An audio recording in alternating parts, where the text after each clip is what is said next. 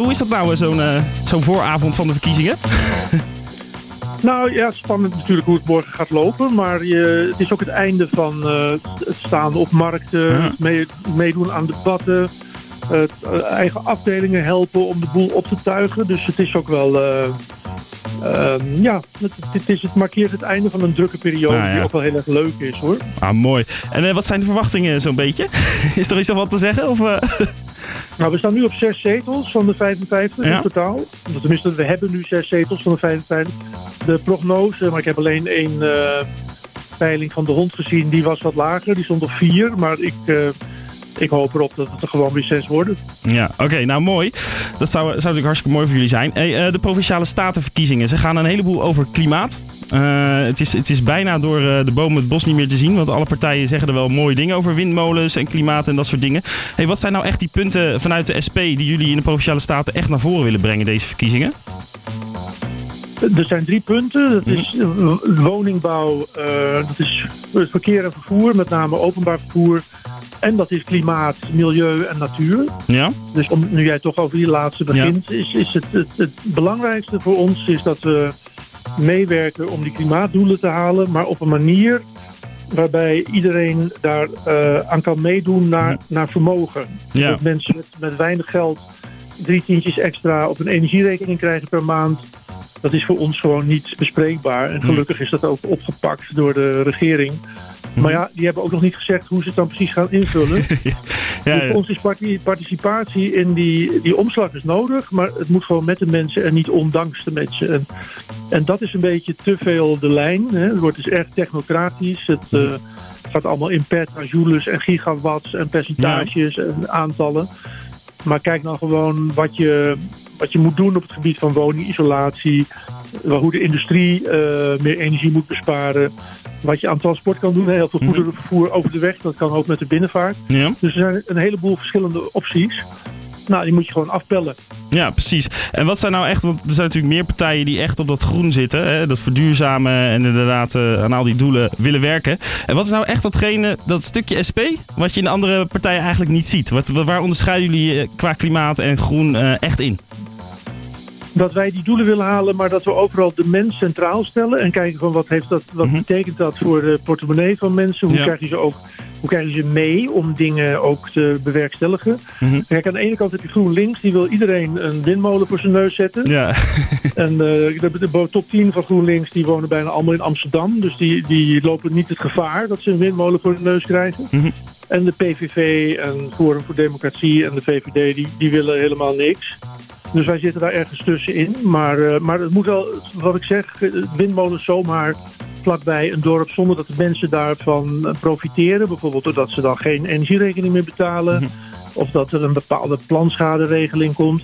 Dat is voor ons geen, uh, geen optie. Ja, en, en, nog even kort ook die andere punten. Uh, woningbouwen en dat soort zaken. Daar hebben jullie ook een, een, een, een mening over, laat ik zo zeggen.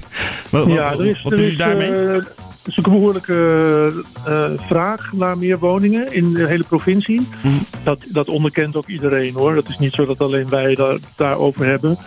Maar het gaat dan wel vaak over aantallen. Terwijl ik zou het liever willen hebben over het soort woningen waar de behoefte ligt. En vooral sociale huurwoningen. Is, mensen wachten 10 tot 15 jaar op, op een sociale huurwoning. Mhm. Dus daar zit echt een, uh, een groot probleem. En het probleem is ook dat, dat, moet je sturen. Want als je dan de markt overlaat, die gaan niet gauw sociale huurwoningen bouwen. Want daar valt veel te weinig mee te verdienen. Ja. En dat geldt ook voor de lage, lage koopmarktsector. Dus de goedkopere koophuizen. Mm die, je, starters en zo, die hebben dat nodig. En wat je nu ziet is dat dus voor, voor beginners, jongeren, eh, startende gezinnen die net een vaste baan hebben, dat die heel moeilijk aan een betaalbare woning kunnen komen. Ja, dus jullie focussen... Dus dat willen wij. En dan willen we ook dat dat liefst niet in het groen wordt gebouwd. Dus niet in de duinen en niet aan de kust, maar binnenstedelijk of net aan de rand van de bebouwde kom. Ja, dus, dus jullie spelen het echt in op, eh, op de beginnende woningmarkt, uh, ja, de starter laat ik maar zeggen.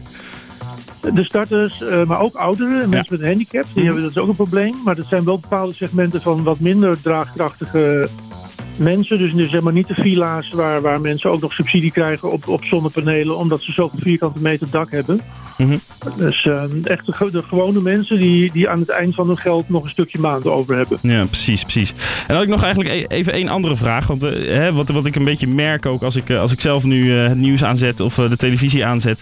Is van, nou, hè, we hebben gisteren natuurlijk de, ja, die vreselijke aanslag in Utrecht gehad. Is, is dat voor jullie niet? Want wat ik een beetje proef is dat dat eigenlijk een beetje de provinciale statenverkiezingen, hè, met de echte, waar dat echt over gaat, een beetje overschaduwt. Hoe, hoe, hoe ervaren jullie dat als partij nu in de, in de campagne? Nou, nu de, de, sinds dat gebeurd is, uh, wel. Het hakte er gisteren natuurlijk ja. enorm in. En uh, op het Forum voor Democratie na heeft iedereen de campagne ook stilgelegd. Ja. En vanmorgen om half elf toen, toen werd, het, werd weer het zijn groen gegeven, om het zo maar te zeggen.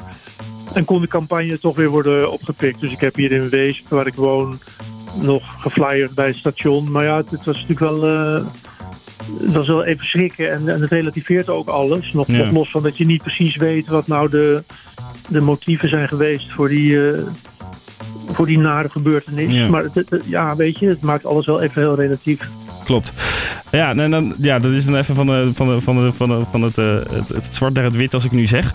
Ehm, ja, we doen op Haarlem 105 altijd eh, iedere partij, iedere persoon die we aan het woord spreken, die willen we ook leren kennen op een andere manier. En we zijn inmiddels, eh, ja, we zijn tenslotte in een radiostudio.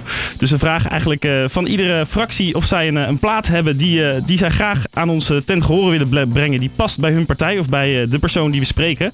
Ehm, was ik heel eventjes benieuwd, wat is de plaat ja, die past bij, bij u of bij jullie partij? Ja, nou, ik ben echt dol op muziek. Dus als je mij vraagt om een plaat uit te zoeken, dan heb ik daar, heb ik daar een dagtaak aan. En eh, ik heb niet zozeer gedacht wat, eh, wat nou een echte SP-plaat is. Voor mij zeven dagen lang van Bos, Ja. zo'n oud nummer. Die wordt vaak op partijbijeenkomsten gedraaid. Ja? Maar ik eh, dacht gewoon eh, Alice Cooper, dat is al begin jaren zeventig. Maar daar was ik altijd een fan van. En die heeft één nummer en dat heet Elected. En ja, dat wil ik morgen worden. Nou, mooi. Dan gaan we die eh, draaien op Haarlem 105. Elected voor de SP. en nou goed, dan, dan wens ik jullie heel veel succes morgen. Dankjewel, Sander.